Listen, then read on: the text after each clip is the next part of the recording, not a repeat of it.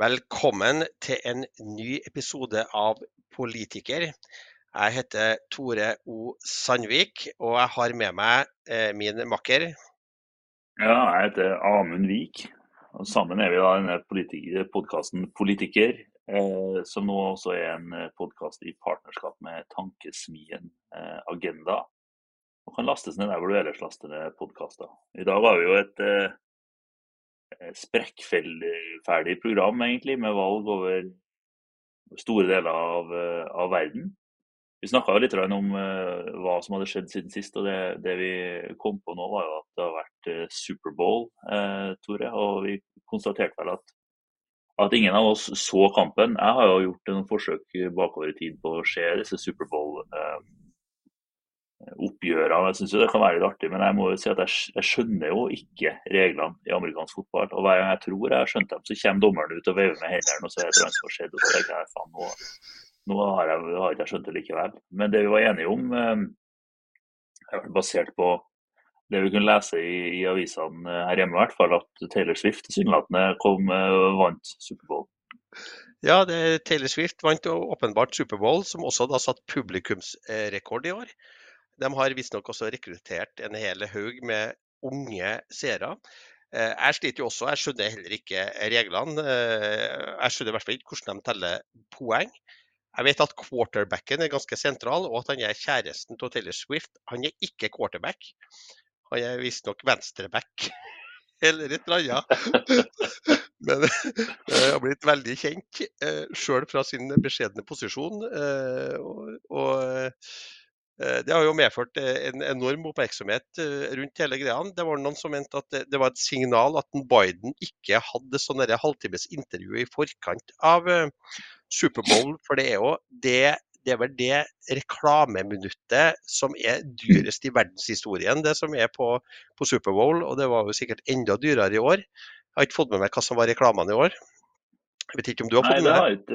Jeg har ikke men jeg har fått med at Pentagon på et tidspunkt måtte ut og avvise at det pågikk en konspirasjon mellom CIA og Taylor Swift eh, for å bekjempe disse maga-folkene i, i, i, amerikansk politikk. Så det har jeg fått med, og det er jo u utradisjonelt. Og det viser jo at konspirasjonsteoriene pløyer forholdsvis dypt uh, i, eh, når det diskuteres amerikansk politikk. Men det minner meg også på uh, en anbefaling på det som er en av de absolutt beste podkastene jeg har hørt, som er denne Wind of Change-podkasten om, hvordan, eh, om den teorien om at det var utvikla i samarbeid med CIA, da, den sangen Wind of Change.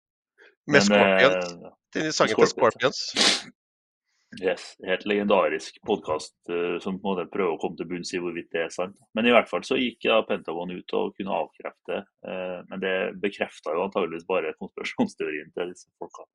Men, ja. men Taylor Swift tilsynelatende gikk seirende ut av oppgjøret. Ja, Taylor Swift, som også var da 'Person of the Year' i, i Time. Eh, det siste jeg hørte fra The Wind of Change, da, den her kjente Scorpions-sangen som vi lar henge litt i løse lufta, for vi anbefaler folk å høre den podkasten om ja. hvorvidt det var CIA som planta den. Det var jo han Orban som da eh, proklamerte at the wind of change var på gang i Europa etter at han Gert Wilders vant valget i Nederland. Jeg vet ikke helt om Scorpions eh, føler seg bekvem med, med sammenligninga. Eh, men vi er der nå, da. Vi er kommet dit. Eh, rett og slett. Det må vi ja. Det er et tankekors, som det heter, eh, at vi er der. Men det vi kommet helt rundt, da, i hvert fall i den grad CIA var involvert i utviklingen av Hitten Window Change, så vil jeg tro at de òg var litt beklemt over at det ble brukt av Orban som uh, seiersmelodi for uh, Gert Wilders seier i, i, Nederland. Men en annen, Tore, som har gått seirende ut av oppgjør i det siste, om en mindre overraskende for mange kanskje enn at uh, Taylor Swift skulle vinne Superbowl, er jo at han godeste uh, Ilham uh, Aliyev er gjenvalgt for en femte periode i uh, Aserbajdsjan. Ja, og han må... kommer jo inn internt i familien, så er det jo et skuffende resultat. Det vil være riktig å si. Ja, et svakt resultat av han eh, Aliyev, selv om det var bedre enn de forrige resultatene han hadde. Han kom inn bare med 92% av velgerne i ryggen, og vant da valget i Aserbajdsjan svakere enn sin far, som da tilfeldigvis også har vært statsoverhode i, denne, Mm. i dette landet. Eh, vi spådde jo at det kunne gå den veien. eh, Så Ja. hvis folk driver og setter eh, penger på valg, så må vi si at vi, vi var ganske sansepå Ja. der, da. Eh, Klokkerett. fra oss der. Eh, Men der da eh, han Aliyev da får en ny periode i oljeprovinsen Aserbajdsjan, som vi har snakka om i en tidligere episode, så er det jo sånn at jeg hørte nå eh, fra kapitalmarkedsdagen til Equinor at der var sånn at nå forlater da Equinor Aserbajdsjan, for de har hatt eh, andeler i et oljefelt i, i Aserbajdsjan. De forlater da Aserbajdsjan etter 30 år. Mens, eh, som vi nevnte sist da når vi snakka om Aserbajdsjan, eh, at COP, eh, neste COP, altså klimakonferanse, den kommer da til Aserbajdsjan i desember. Og da under ledelse av han Ilham Alejev. Ja, og det blir jo et, et land som antageligvis er på alles lepper i desember i år, når det skal landes klimaavtale. Det er jo en to på rappen med disse oljeprovinsene eh, som vertskap for koppen nå. Eh, de har jo klart å, å om ikke annet framstille, men òg på, noe, på noen ting komme, kom de et stykke videre enn de var i, i oljeland i, i fjor. Så det er jo ikke noe én-til-én-sammenheng med at det blir dårlig av og til i disse landene. Og jeg har i hvert fall ment at det er trolig vanskelig hvis du skal få en global avtale og bare være i land som er 100% enig eh, med oss. Men det blir i alle fall spennende, og det er noe med det visuelle uttrykket og, og mer sånn at det lukter litt sånn eh, fossilt brensel og sånn i, i området, som, som jeg tenker kan kan gi en del festlig pressedekning i hvert fall av, av koppen. Men nå er det noe eh, under stabilt lederskap eh, fortsatt fra Aliyev, da, i hvert fall. Eh, når det, koppen kommer til, til byen. Det stemmer. Det har også vært eh, presidentvalg andre runde i Finland. og Der eh, tok vi også rett, da, men det var på et hårstrå. For det var et, veldig jevnt. Det var da tidligere statsminister, konservative Alexander Stubb, som eh, gikk av med seieren i, i Finland. Eh, han vant vel med en sånn 51,5 eh, mot han Havisto, eller DJ Pexi, som han også framstiller seg som, fordi han driver og spiller er opptatt som DJ da, med musikk fra sin, fra sin ungdom, da, som da er et stykke tid siden. Eh, og det har vært en eh, veldig respektfull eh, valgkamp. eh, og det tyder vel på at det er, det er ikke så store forskjeller på eh, presidentkandidatene i finsk politikk, sånn som det tra tradisjonelt heller ikke har vært. Presidenten har eh, øverstkommanderende for Forsvaret og har eh, ansvar for utenrikspolitikken da definert som utafor EU. Eh, Mm. og presidenten har tradisjonelt vært da det balansepunktet mot Russland i veldig mye. Så det blir spennende å finne ut hvordan det nå skal utvikle seg framover. Eh, fordi at eh, den nye situasjonen er at Finland er medlem av Nato. Og Mm. du har et aggressivt Russland som har overfalt naboen sin, og den lengste Nato-grensa er nå i Finland. Så Alexander Stubb, meget erfaren utenrikspolitiker, han får nå oppgaven da med å balansere Finland. Men så må jeg si, de har visstnok en tradisjon, men jeg fikk det med meg på finsk TV, eh, som sier noe om hvor langt denne interessen har gått. At jeg har fulgt med på finsk TV, heldigvis tekster. Eh, at den som vinner valget, altså den presidenten som vinner da sånne valg, han dukker opp da på nummer to sin valgvake. Så Alexander Stubb han eh, kom da til valgvaka til han Havisto. Eh, Og der eh, var det nesten eh, varme omfavnelser. Havisto takka Alexander Stubb, eller gratulerte han med valgseieren. Mens Alexander Stubb holdt en tale for han Havisto og proklamerte bl.a. det at han Havisto han er en av de fineste menneskene han har, han har møtt. Takka for en ordentlig seriøs og respektfull valgkamp. Og takka også da ektemannen til han Havisto, han, han er gift med en mann, for lånet av Håvisto da, i demokratiets eh, tjeneste. Som eh, I og med at han da sikkert har vært mye borte på valgkamp. Eh, og tenk på, Med tanke på situasjonen i en del av de andre valgene vi driver og snakker om, og ikke minst USA, så, så er det jo sånn at sånn kan også demokratiet være. da. Vakkert, fint og rørende. det, det er veldig kult. Og det, er som du sier, det blir jo en veldig viktig rolle eh, for Finland, denne presidenten, i den perioden her. Så det at det foregår på en sånn ordentlig måte, er jo veldig bra. og Det, viser jo en annen ting som jeg, som jeg syns drukner litt i, i all, alt dette pratet om, om særlig det amerikanske valget. Sant? Men det er jo, et, som vi snakker om i, på innpust og utpust, så er det jo det, et, liksom det året i verdenshistorien med flest valg. Og de aller fleste av disse valgene kommer til å foregå ganske, ganske rolig og ordna for seg. Det kommer til å være overføring av makt på en fornuftig måte mange steder. De aller fleste stedene, med noen unntak. Eh, og så er det jo en sånn, eh, det er jo et tankekors igjen da, at et av de landene hvor diskusjonen er om det kommer til å foregå på en ordna måte, er eh, USA, som i utgangspunktet skulle være dette liksom, fyrtårnet av frihet og demokrati i verden. Men jeg har vondt for å se for meg at verken Biden eller Trump tok opp på den andres valgvake, og at det blir omfavnelse og, og gjensidig glede og tale borti, over dammen. Det har jeg vondt for å se for meg. Men det er bra at det skjer noen steder. Og det er veldig flott. og det er jo det som er som selve essensen av, essensen av, demokratiet, er jo akkurat overføring av makt fra den som taper til den som vinner. Eh, og det er veldig viktig at det foregår på en fornuftig måte. Ja, og så eh, ja, Det sitter vel langt inn for eh, noen av de kandidatene å omtale den andre som eh, et av de fineste menneskene de har møtt.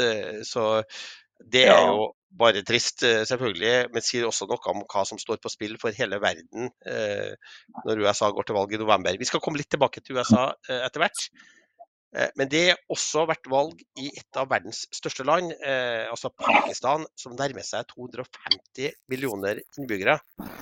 Bare for å ta det, for Vi har jo også snakka om Bangladesh, også et av de store landene i verden som hadde valg eh, på nyåret her. Eh, altså Delinga av India i 1948 det skjedde jo da i at uh, du fikk det hinduistiske India da, også delt opp i Pakistan, da i Øst- og Vest-Pakistan. Eh, Vest-Pakistan, Pakistan, Øst-Pakistan, Bangladesh. eh, Med muslimer. Og den som var liksom arkitekten for denne delinga, ble gjennomført, som var han som ble utnevnt til visekonge India, det var han der lord Mountbatten. Den som har sett The Crown, vet jo at det er onkelen til han eh, prins eh, Philip. Eh, En markant personlighet i, i britisk, rundt det br- britiske kongehuset og britisk historie, og ikke minst krigshistorie. Den måten han gjennomførte den delinga på, var endte jo en katastrofe. Fordi at da flykta jo hinduer fra det som ble Pakistan, til, til India, og motsatt av muslimer ut til Pakistan. 12 millioner mennesker i vill flukt. Massakrer. Jeg tror de beregner rundt en million mennesker ble, ble drept i, i opptøyene eh, som fulgt. Eh, Lord Mountbatten han har jo også et slags forhold til Norge. Eh, han eh, var faktisk den som da kom inn og evakuerte da allierte styrker. 5000 mann som var stasjonert da kom til Namsos. Som medførte eh, terrorbombinga av Namsos da i flere døgn fra, fra tyskerne da Namsos brant ned. Mm. Eh, og kom da inn med, med britisk, en britisk flåte og, og redda ut eh, alle de, de allierte styrkene. Og faktisk de første trefningene mellom britiske soldater og tyskere skjedde jo ved Steinkjer. Eh, Ja. i, I det her operasjonen under andre verdenskrig. Så her er det mye krigshistorie som også har med relasjoner til, til Norge. Han er lord Mountbatten. Eh, men eh, delinga av India den gikk ikke noe bra for seg, med store tap og masse døde folk og mye tragedie. Og etter hvert da Pakistan Bangladesh delt da i, i, i Pakistan og Bangladesh. Men i Bangladesh så har jo ingen statsminister sittet perioden ut, og det er mye vold. I Pakistan. Ja, i Pakistan. Mye vold. Ja. Mye vold. eh, Og det er jo militæret som har styrt Det har vært måte et slags refreng da, i Pakistans politikk eh, opp igjennom siden, eh, siden delinga. Gått inn og tatt kontrollen i perioder, og stort sett hatt kontrollen gjennom enten å styre eller implisitt, eh, en implisitt trussel om å, om å komme inn og styre. Men det er jo som du sier, ingen statsminister har sittet perioden ut. Så det betyr jo at uavhengig av hvem som, som sitter her nå, så er det jo grunn til å tro at det blir nytt fjes i løpet av neste, neste femårsperioden. da. Eh, nå er det jo, eh, Vi snakka litt om dette her sist. altså eh, Sittende regime har jo gjort partiet til den store favoritten Imran Khan. ble jo gjort ulovlig. Ble, han er slengt i fengsel i, i lang, lang tid i, i rettsprosesser som i hvert fall ikke ligner rettsprosesser som vi er kjent med her, her hjemme. Så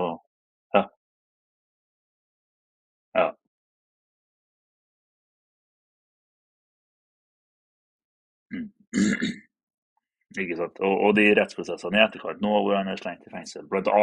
for at han og hans kone har omsatt gaver de har mottatt da han var statsminister forrige gang, er jo en, en rettsprosess som, som, har drag av uh, politisk påvirkning over seg, litt uh, avhengig av hvem man, uh, hvem man snakker med. Han, hans parti ble oppløst, de fikk ikke lov til å bruke logoen, som det, og det snakka vi jo litt om sist og er veldig viktig. logoen er et cricket balltre. Eh, men logoen er viktig fordi veldig mange av de som stemmer i Pakistan, ikke kan lese. Eh, så å fradømmes bruk av logoen har potensielt store konsekvenser. Men til tross for det, til tross for at han sitter i fengsel, og til tross for at logoen ikke ble brukt, så vant jo eh, disse uavhengige kandidatene som var knytta til det som tidligere var hans parti, valget. Eller fikk i hvert fall flest stemmer. Om ikke direkte flertall, så i hvert fall flest stemmer.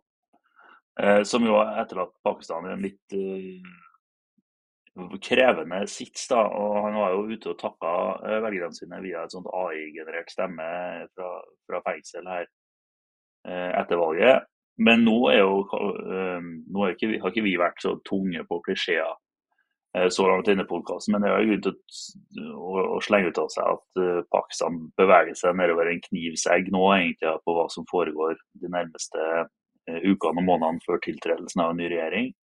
Nå leter eh, militæret eh, med lys og lykte etter en bærekraftig koalisjon med de partiene som ikke er assosiert med Khan.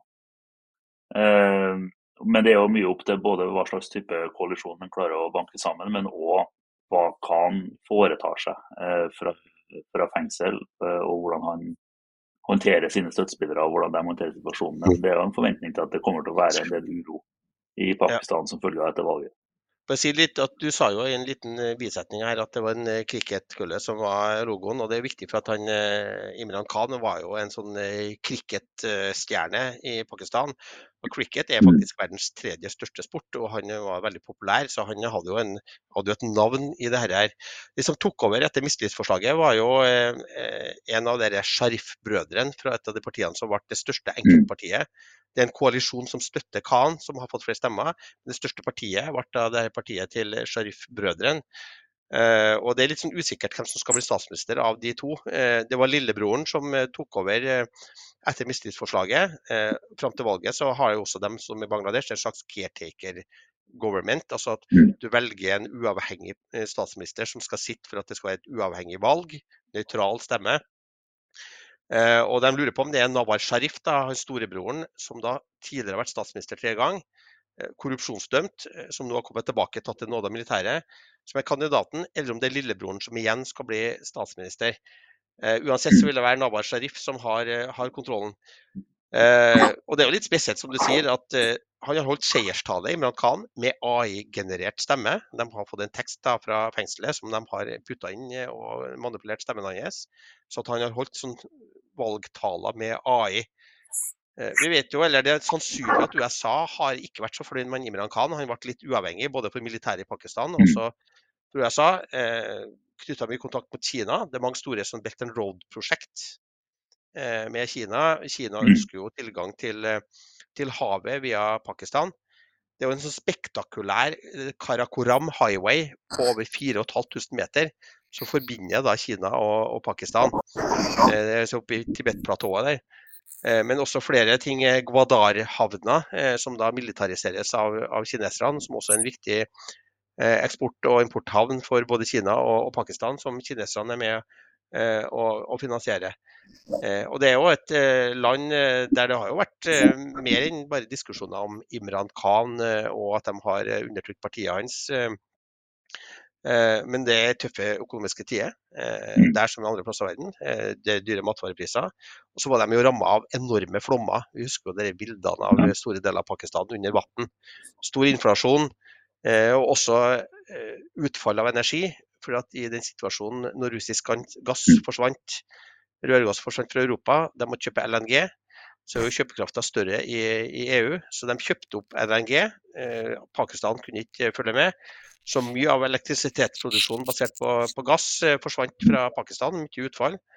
Fordi de ikke lenger fikk tilgang til LNG, da, som ble kjøpt opp fra, fra EU fra, fra Midtøsten. Så Det er jo et land som også da i den uh, sammenhengen er, er, i, er, viktig i det storpolitiske spillet knytta til India, uh, Kina, USA, kontroll i disse områdene. Uh, så det er, det er, verdt å følge med på, samtidig som det selvfølgelig er mange pakistanere som da er både i Norge, men også andre deler av Europa. Så det er mange som følger med på hva som foregår i Pakistan, og det er et viktig valg. Dessverre også mye vold. Benazir Bhutto, som vi husker, ble jo skutt eh, når hun var statsminister. Eh, husker ikke om hun var statsminister eller statsministerkandidat, hun har også vært statsminister. Og sønnen hennes leder da et av de eh, partiene som da eh, tenkes å skulle inngå i alliansen da, med Sharif-brødrene. Hvis de greier å komme seg da over 134 representanter i, i parlamentet, som de må ha for å lage styringsdyktig regjering. Så eh, verdt å følge med på.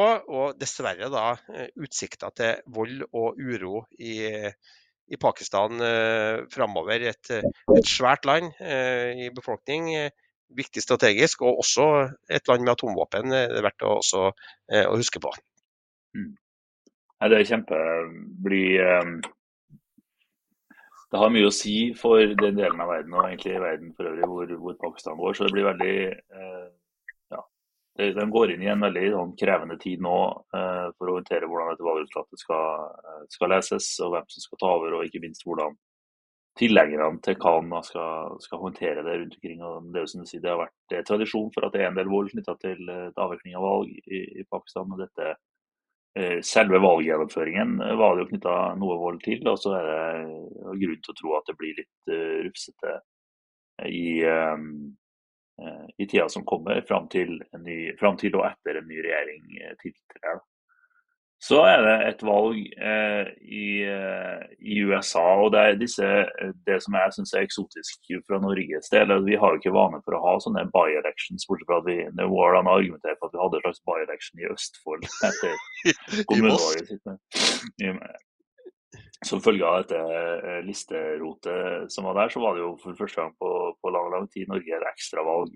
Eh, men eh, i Amerika så har de ganske ofte sånne by-elections. For der i, i, Norge så kan man jo ikke trekke seg som stortingsrepresentant. Og i den grad man tar ut lengre sykemelding, som er det nærmeste man kommer i norsk politikk, og prøver å forsvinne ut en slags bakdør fra politikken, så er så tråkker det bare en vara opp eh, fra, fra varalista og tar over plassen. Mens i USA så må det jo velges en ny.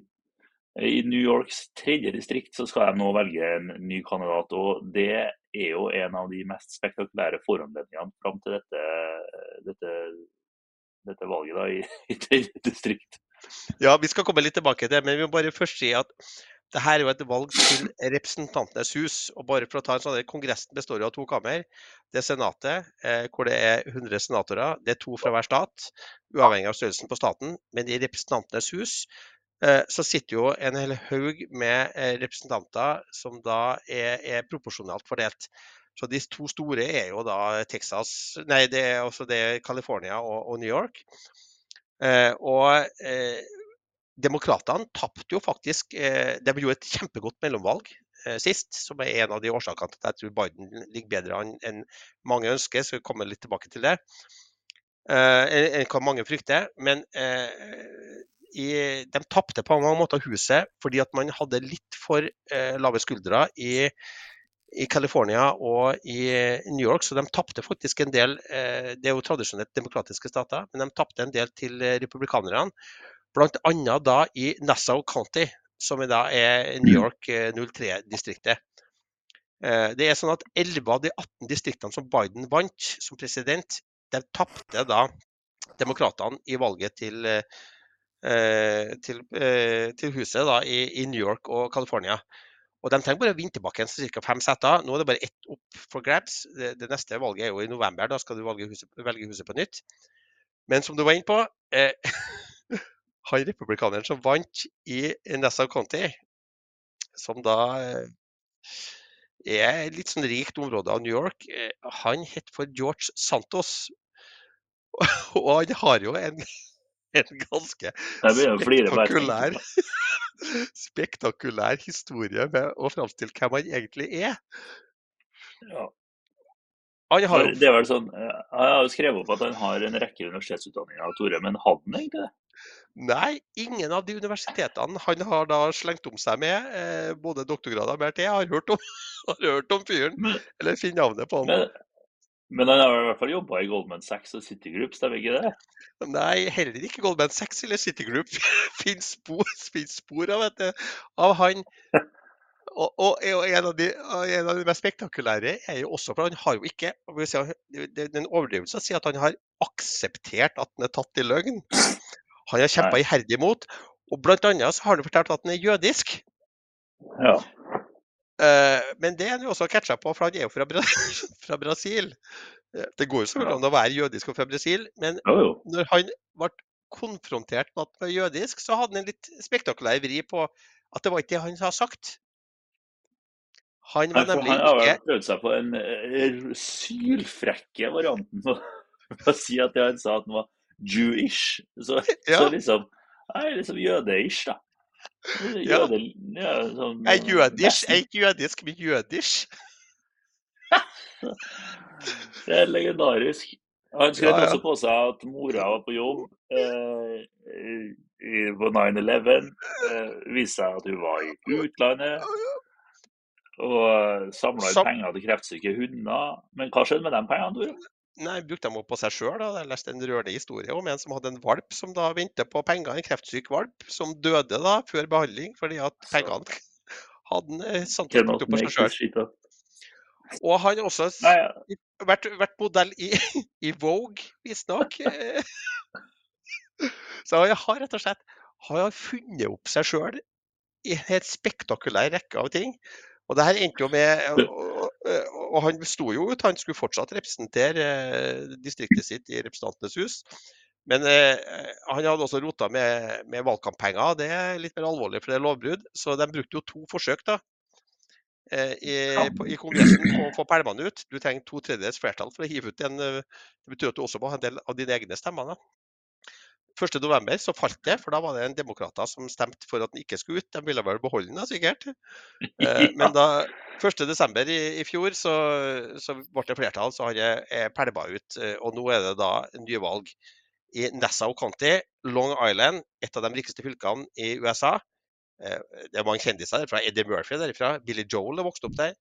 Lindsay Lohan, for dem som vet hvem det er. Jerry Seinfeld. Eh, så det er, et sånn, eh, det er et fylke som folk følger med på. Har svingt mellom rødt og mm. blått.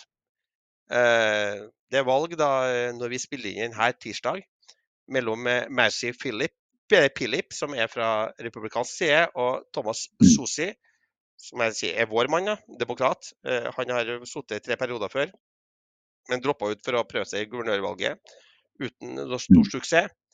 Men det som er temaet, og det er litt interessant oppi Nessa og Conti, som er ganske langt fra eh, Mexico-grensa, det er immigrasjon.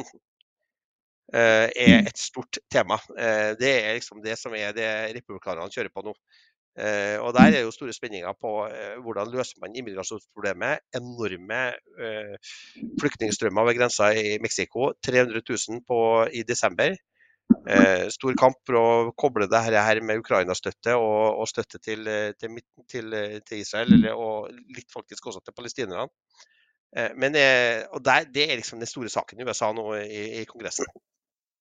Det er det. og det ruller og går i Kongressen as we speak, eh, diskusjoner om, om, det. Så det, det, påvirker selvfølgelig debatten. Og så har det jo vært en del av de statene hvor det har vært valg eh, etter Høyesterett kom med sin abortkjennelse, har jo abortsaken dominert ganske mye. Her forventes det at den ikke dominerer eh, fullt så mye, av litt ulike årsaker. En av de er jo at hun Masi har jo sagt at hun er for, hun er pro-life, men hun støtter women's right to choose. da, som Hun sier, altså hun støtter at kvinner kan velge selv, som på en måte nuller det ut litt for demokratene, som gjør at det blir det blir interessant å se uh, hvordan det slår inn, men hun har i hvert fall posisjonert seg på en sånn måte at hun ikke er like lett å få has på i det abortspørsmålet som en del av de andre republikanerne som stiller til valg rundt omkring i, i, i landet. Så det blir eh, Nå har jeg ikke fått sett de siste tallene, men det avgjøres eh, nå straks. Så da får vi jo svaret på det. Og det er jo som du sier et bellwether da. Det an å mm. si på godt gammeldags eh, norsk. Eh, for litt på hvordan det vil gå framover.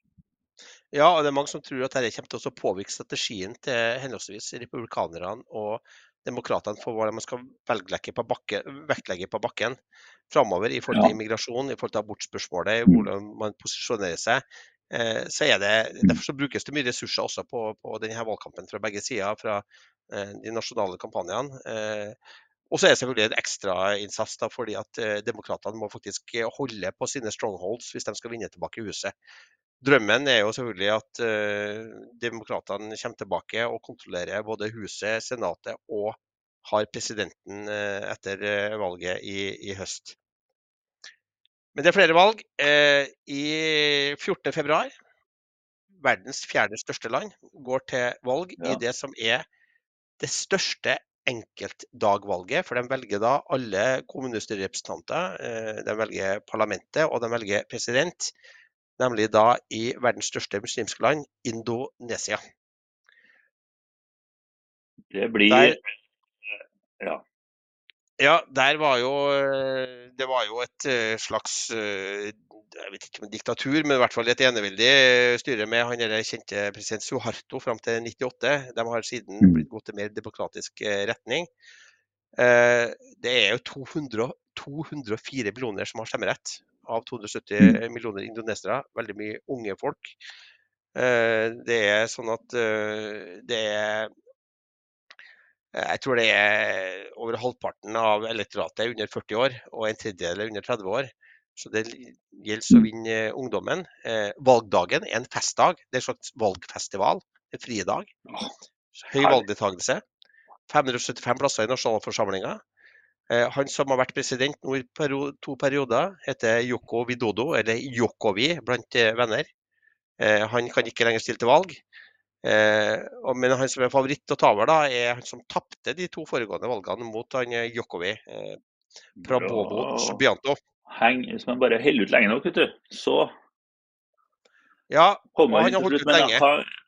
Han har vært lenge, men ikke, eh, kan ikke stemme at han også har alliert seg med Jokowi-familien, den godeste forsvarsministeren?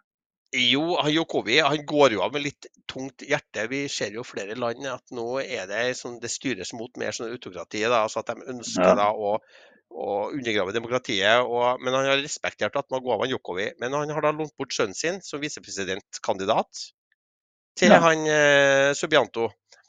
Og eh, sønnen er under 40 år, dermed kan han ikke bli president eller visepresident. Men det har de fiksa. De har bare laga en unntaksregel som gjør at jeg tror han har vært ordfører et eller annet sted, og da har han fått lov til å kunne stille. Eh, så han mm. er da visepresident, så her går det jo igjen mot et sånn dynastisk utvikling. Eh, Subianto ja. har vært forsvarsminister under eh, Jokowi, så har sikkert blitt gode venner. Mm. Eh, og han er, som er under 40 år, har sikkert appell blant de unge velgerne. Ja. Man tror ikke at det blir noen stor eh, sånn styrings, eh, endring i styringssettet i Indonesia. Litt frykten er at du får dynastiske tendenser, og at det går mot mindre demokrati fordi at du får så dynastiske eh, tendenser. Men det som har vært sakene av valgkampen, er jo som andre plasser vi har snakka om før. Det er dyrtid. Stor arbeidsledighet. Det teller jo nå når det er mange unge. Det er litt slowdown på økonomisk vekst. Fortsatt eh, over 5% men det har gått litt ned. Eh, det har vært tema av valgkampen. Eh, det er 17 års stemmerett. da. Men du får lov til å stemme hvis du er yngre, hvis du har vært gift eller er gift. Så det er de unge som avgjør valget her. da. Så Det blir viktig å, å, følge med på hvordan det går. Mange av de landene vi snakker om nå, er jo veldig mange unge. Demografien er på deres side.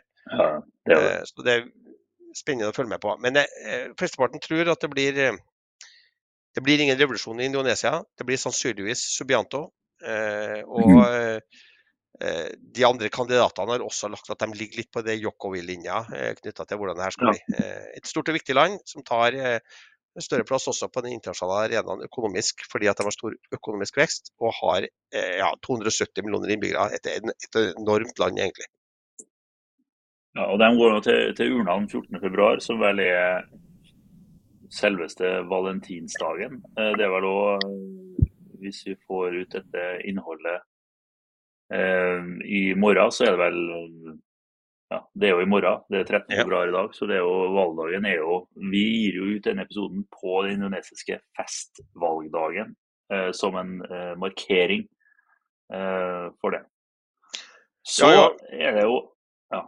Vi har jo merka oss det at eh, etter at vi bestemte oss da i fjor for å ha en podkast om eh, valgkamper og valg rundt omkring, og starta med det spanske valget, som da var eh, ganske spektakulært og mm. langtvarende, så bestemte jo nesten hele verden seg for å gå til valg i år. Så det er jo over 40% av verdens befolkning som går til valg. Eh, så det er, jo, det er, jo, det store valgåret, viktig for verdens utvikling. Eh, og det er mange valg som har veldig mange unge velgere. Eh, det kan jo òg unge kandidater, sånn som da sønnen til Jokowi. Men i USA så har alder blitt et tema med ny omdreining den siste uka. Ja, eh, for i USA så har jo rett og slett eh, denne spesialetterforskeren som skulle etterforske eh, hvorfor Biden også tilsynelatende hadde garasjen full av hemmelige dokumenter da han gikk av som visepresident. Han har jo frikjent Eller det var en litt forvirrende dag i medievesenet, for han ble jo frikjent. Eller ikke, de valgte å ikke straffefølge Biden for dette. og da tenker jeg innledningsvis her at de trakk et lettelsens sukk i i Biden-administrasjonen. Eh, for det var i hvert fall ikke noe straffeforfølgelse av Biden. Han var redd, mens, eh, mens Trump har 81 eh, enkeltlovbrudd han forfølges for rundt omkring i, i, det amerikanske rettssystemet. Men, men utfordringen oppsto jo når man så på begrunnelsen så, som denne spesialetterforskeren hadde valgt uh, for å ikke straffeforfølge Biden. Og det var jo uh, rett og slett så skrev denne spesialetterforskeren at Biden var en gammel og velmenende mann som dersom han ble straffeforfulgt for dette, bare vil si at det husker jeg ingenting av, fordi jeg er så gammel, basically. Uh, og som bevis på det, så, så drakk han fram at Biden etter sigende ikke hadde huska sønnen sin døde, eller hvilke år han var visepresident, og en del sånne ting. Um, Biden-administrasjonen hevder jo, eh, og advokatene deres hevder jo at dette var eh, altså Han var, brukte to dager på intervju med denne spesialetterforskeren som stilte spørsmål om alt mellom himmel og jord. Eh, og så sa administrasjonen vel at nei, vi trenger mer forberedelse for det som er et spørsmål. Og så sa han nei, det går bra.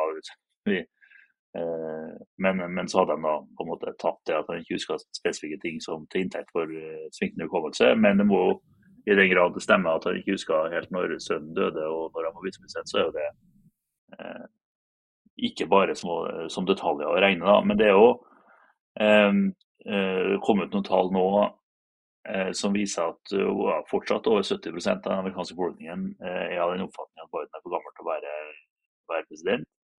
Eh, så jeg så Ian Bremmer, sjefen i Rachel Group, var ute og sa at det virka På morgenene så, så det ikke ut som at folk hadde bedt seg så mye merke i hva spesialetterforskeren hadde sagt, som jo eh, på en måte var bra for Biden. Men så var det eh, problemet for Biden var at de allerede var enig med spesialetterforskeren i at han var en velmenende gammel mann som begynner å bli for gammel til, til, å, være, til å, være, president. Og det, vi snakka jo i stad, du var inne på det, liksom, grunner til at man tror det ene eller det andre om utfallet ved det, ved det amerikanske valget. Men det er klart, eh, Biden er en gammel mann.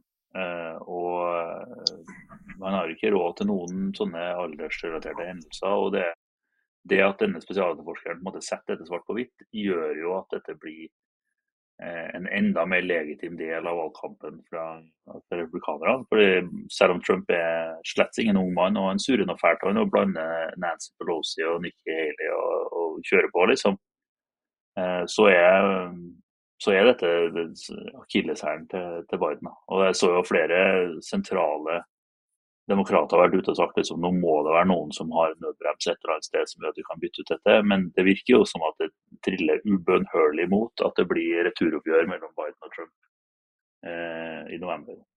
Ja, og han var vel heller ikke så heldig på Han ble jo ganske sint for beskyldningene om at han ikke huska ja. sin egen sønns dødsfall og, og, andre ting. Og da surra han vel litt om hvem som var president i Mexico og Egypt i samme greia. Ja, det var, ja. For det var, han var veldig sint og var veldig sånn, og, og for så vidt kan man si sterkt tilbakevisning av at han liksom skulle ha glemt når, når sønnen døde. det var jo et sterkt øyeblikk. Og så mm. lett og ledig over til Midtøsten senere i pressekonferansen, hvor han da blanda mellom to land, da, egentlig. Et land, eh, ja. Mexico har jo ikke så veldig mange egg i, i kurva nede i Midtøsten der. Eh, så, så det er jo det er sånn, en, en, en, feil kan skje, på en måte. Men han var jo eh, forferdelig uheldig med tid og sted, da. Ja. Og det age, age is an issue, tror jeg vi må ha med oss ja. framover. Jeg tror jo fortsatt på, på, Biden mot Trump, for det tror Trump eh, Eh, ligger dårligere an både pga. abortspørsmålet og pga. anti-maga og pga. at demokratene har prestert godt. Det er klart at det blir tyngre for hver gang at man kan liksom hamre inn eh, det her aldersrelaterte greiene med såkalt uavhengige, nøytrale greier. Vi hadde jo eh, på Hillary mot eh, Trump også Comey som var inn og åpna etterforskning og lukka etterforskning på tampen og demobiliserte ja, ja. masse demokrater. Så, så, det er klart at herre er galt. Men, men, Trump har jo også eh, vært ute og, og snakka litt om, eh, om eh, sikkerhetsgarantien som Nato representerer. og han har vel til og med sagt at han oppfordrer vel nærmest da Putin til å overfalle de Nato-landene som ikke da følger 2 %-målet i, i, Nato. Og, og, der er det jo en, en ganske rikholdig meny å velge mellom. Ja, det er jo det. Og det jo, dette var jo en, en kommentar Sven, som var en utdyping av noe han sa for, for en tid tilbake. Trump har jo eh, en veldig sånn Veldig eh, Trump misliker jo alt som handler om forplikt, amerikanske forpliktelser på utsida av USA. Og for Trump, dem som vi snakker med som kjenner Trump-administrasjonen, er jo veldig sånn Han ser på dette som en sånn sucker deal for USA. Han mener at de bruker masse penger og masse folk rundt omkring over hele verden og får nesten ingenting tilbake. Så han er jo, syns jo ideen i seg selv er eh, crap for USA. Eh, og, og, jeg har mye mer sånn um, merkantil byttementalitet rundt disse avtalene. Vi så jo i for i Trump 1, hvor han uh, skulle ha motytelser fra Japan for å stille opp, og, Sør-Korea for å stille opp med, med med avtaler og, og forsvarsmateriell der. Eh, og har liksom hengt seg opp i dette 2 %-målet. Men jeg tror det er liksom viktig å huske på at selv om 2 %-målet er på en måte sånn den spisse eh, enkelteksempelet å henge seg fast i, så er Trump eh, mindre, vesentlig mindre interessert i å stå bak amerikanske sikkerhetsgarantier rundt omkring. Men, men, vi så jo i stad på, på lista over land som ikke når dette 2 %-målet. og Det gjør jo at den amerikanske sikkerhetsgarantien da dekker et veldig underlig knippe land. Det dekker f.eks. ikke Canada. Eh, og ikke Norge for en del. Og Luxembourg har vi jo snakka om. Eh, det blikk på bånn. ligger på bånn her i andel, men det, de har jo veldig lite areal og, og lite folk òg. Men det er klart, eh, du får en forsvarsallianse som, som har et litt pussig nedslagsfelt. Det gjør du. Ja, og det, jo, det har jo medført store reaksjoner. og det Vi snakka jo også om at eh, Eh, det her er jo deterrence, altså avskrekking, eller det å ha en terskel eh, mot eh, aggresjon fra, fra, Russland eh, mot, mot Nato-land. Og det er klart at Med en gang det sås tvil om den, så skapes det stor, stor, usikkerhet. Det skaper selvfølgelig en slags motivasjon for at alle de her landene må steppe opp og bygge opp forsvaret sitt og ta mer ansvar sjøl. Men samtidig så skaper det jo også da, en fare for at Putin eh, føler at han kan forsyne seg. Eh, Knytta til Montenegro, da, som eh, et av de landene Trump før omtalte at han ikke gidder å forsvare hvis det skulle skje et eller annet. Men det er også, mm. det er, det, det er, her er jo også et, et, dilemma for eh, de republikanerne som driver og vurderer valgseier. For at veldig mange av de vippestatene er det også mange ukrainere, det er mange eh, polske, det er mange svensker, finske, eh, altså finsk-amerikanere, svensk-amerikanere, ukrainske amerikanere osv. Og, så og norske amerikanere. Så det at det kan jo tenkes at i en del av de her VIP-statene hvor det var veldig jevnt sist, Arizona sto om 10 000, så er det mm. faktisk eh, ganske mange 10 000 av de her eh, med, med sterk kontakt og identitet knytta til sine tidligere hjemland, eller der de kommer ifra, da, som, eh, som kan komme til å bli påvirka av, av, det. Så det er ikke en, det er ikke en safe sailing eh, at en gjør sånn, selv om man sikkert har mange begeistra amerikanere som mener at eh, det er America first, make America great again, mm. som er, som er det viktigste. Og ja, det lever Toten skitt i Norge, eller lever USA skitt i verden, som er som er hele hovedpoenget da, som gjør at de flokker seg rundt Trump, at han skal prioritere dem eh, før han prioriterer alt mulig annet slags eh, eh, ansvar som USA påtar seg rundt omkring for å stabilisere da, den sikkerhetspolitiske situasjonen i verden. Ja, altså, og det er jo um, disse sikkerhetsgarantiene er jo egentlig bare løfter og, og ord. Da, så det er jo i den grad, Hvis Trump vinner og begynner å gi rabatter og endringer på sikkerhetsgarantiene, så er jo Nato blir jo fort redusert til en sånn prater, prateklubb, da egentlig. For det er jo uh, artikkel 5 og, og, disse sikkerhetsgarantiene som er, er, Nato og er forsvarsalliansen, som en gang det begynner å Det er jo ikke sånn at du litt er dekka av en sikkerhetsgaranti.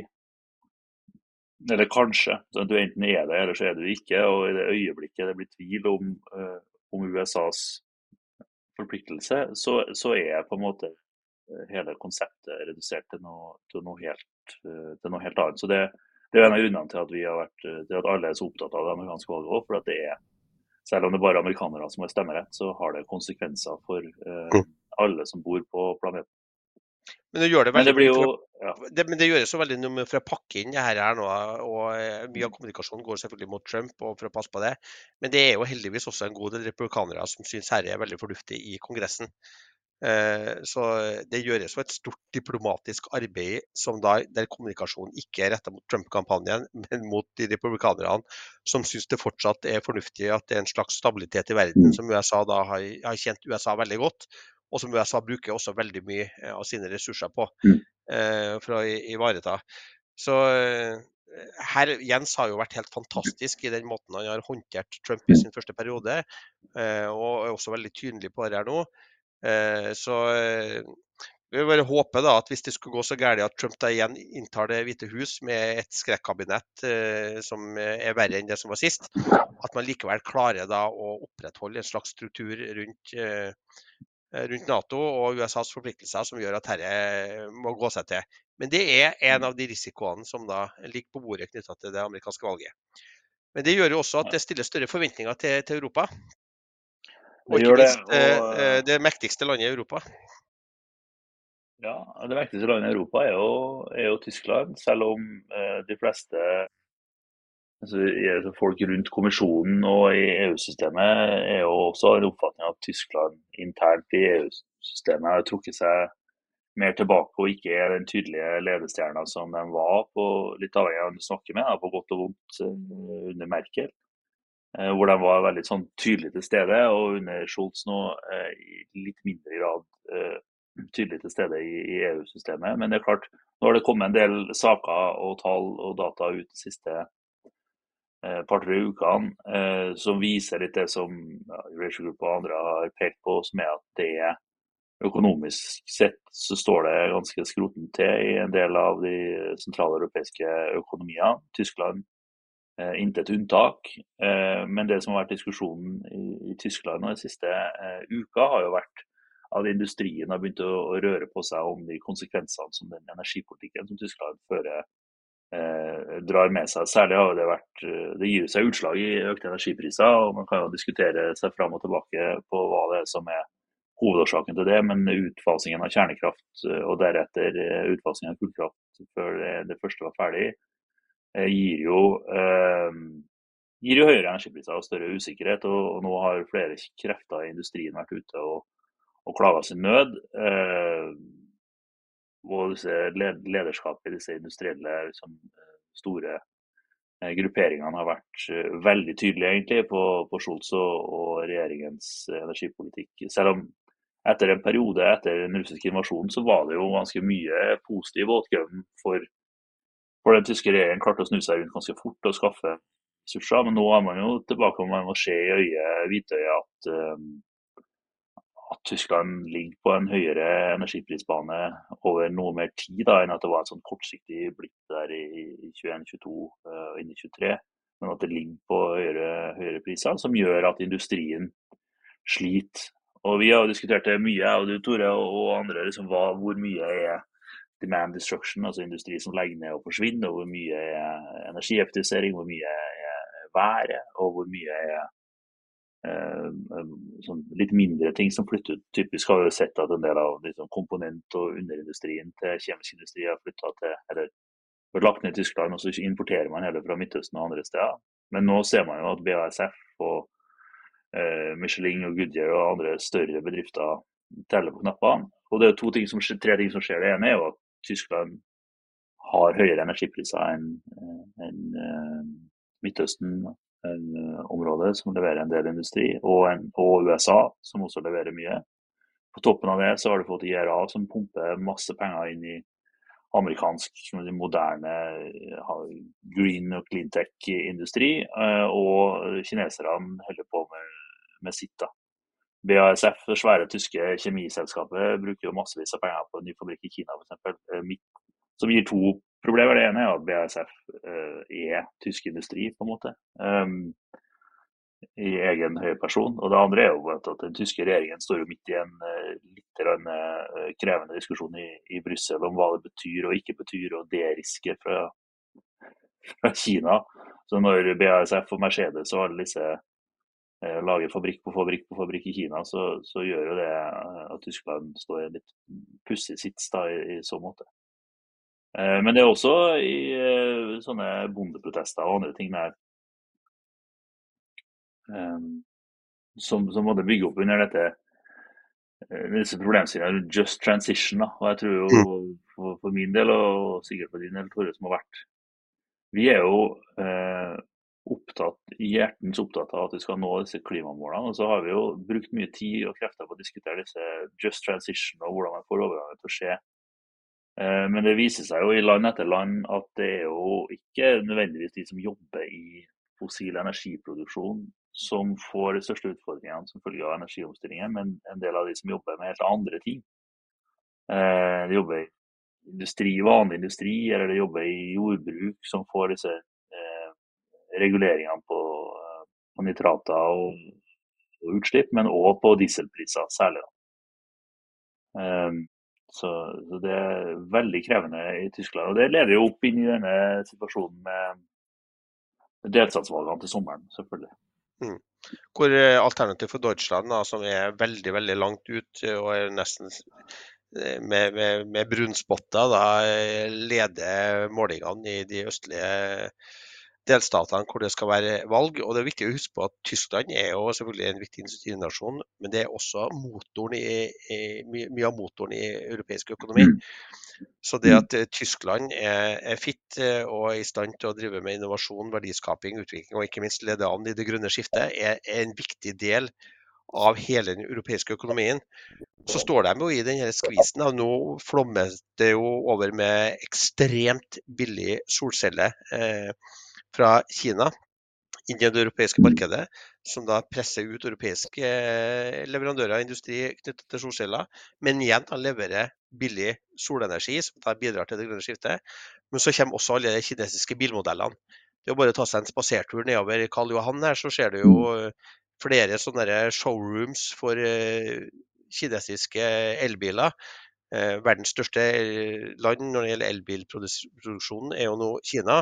Det er klart at Hvis de skal flomme det europeiske markedet eh, og utfordre da europeisk bilindustri med, med kinesiske elbiler, så er også det en sånn derre du er avhengig av å omstille transporten til, mm. til elbiler. Du er avhengig av at du får skalaeffekter og får det prisen på det, sånn at det blir det foretrukne valget. For at det er, sparer mye energi å kjøre på, på elbil, og det er en bedre bil enn en fossilbil. Eh, men samtidig så utfordrer det da europeisk industri både mm. Tyskland, men også Spania, som er et veldig stort bilproduserende land, som produserer på lisens fra, fra store europeiske bilselskap. Så eh, verdt å følge med på, også ikke minst fordi at eh, Tyskland og de store grepene de tok med energivende og med de enorme forsvarsinvesteringene og knytta til det grønne skiftet, fikk seg en knekk når de da møtte veggen i Høyesterett, som vi har snakka om før. Mm. Um, fordi at de har en sånn brems, gjeldsbrems. Du får ikke lov til å ta opp for store lån da, for å finansiere omstilling i, i Tyskland. og De tapte da, måtte kutte 600-700 milliarder kroner, da, i, eller 60 milliarder euro i budsjettet på tampen av fjoråret. og mm. utfordrer mye av det. Og så For å hente inn en del av det, så kommer det da nye avgifter. Og Nå har du jo bondeprotester over hele Europa mot eh, dieselpriser og mot nitrat, som du nevnte.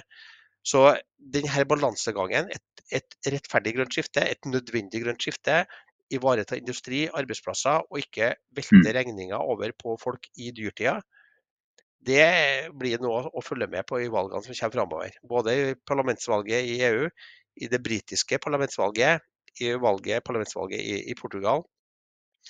Eh, men også da utviklinga mm. i den vestlige sfæren av, av, verdensøkonomien i dette store, store eh, valgåret. Det skal vi følge med på, på framover. Eh, vi tror det er viktig å se sammenhengene i, i det som nå skjer internasjonalt. Demokratiet lever godt i veldig mange land.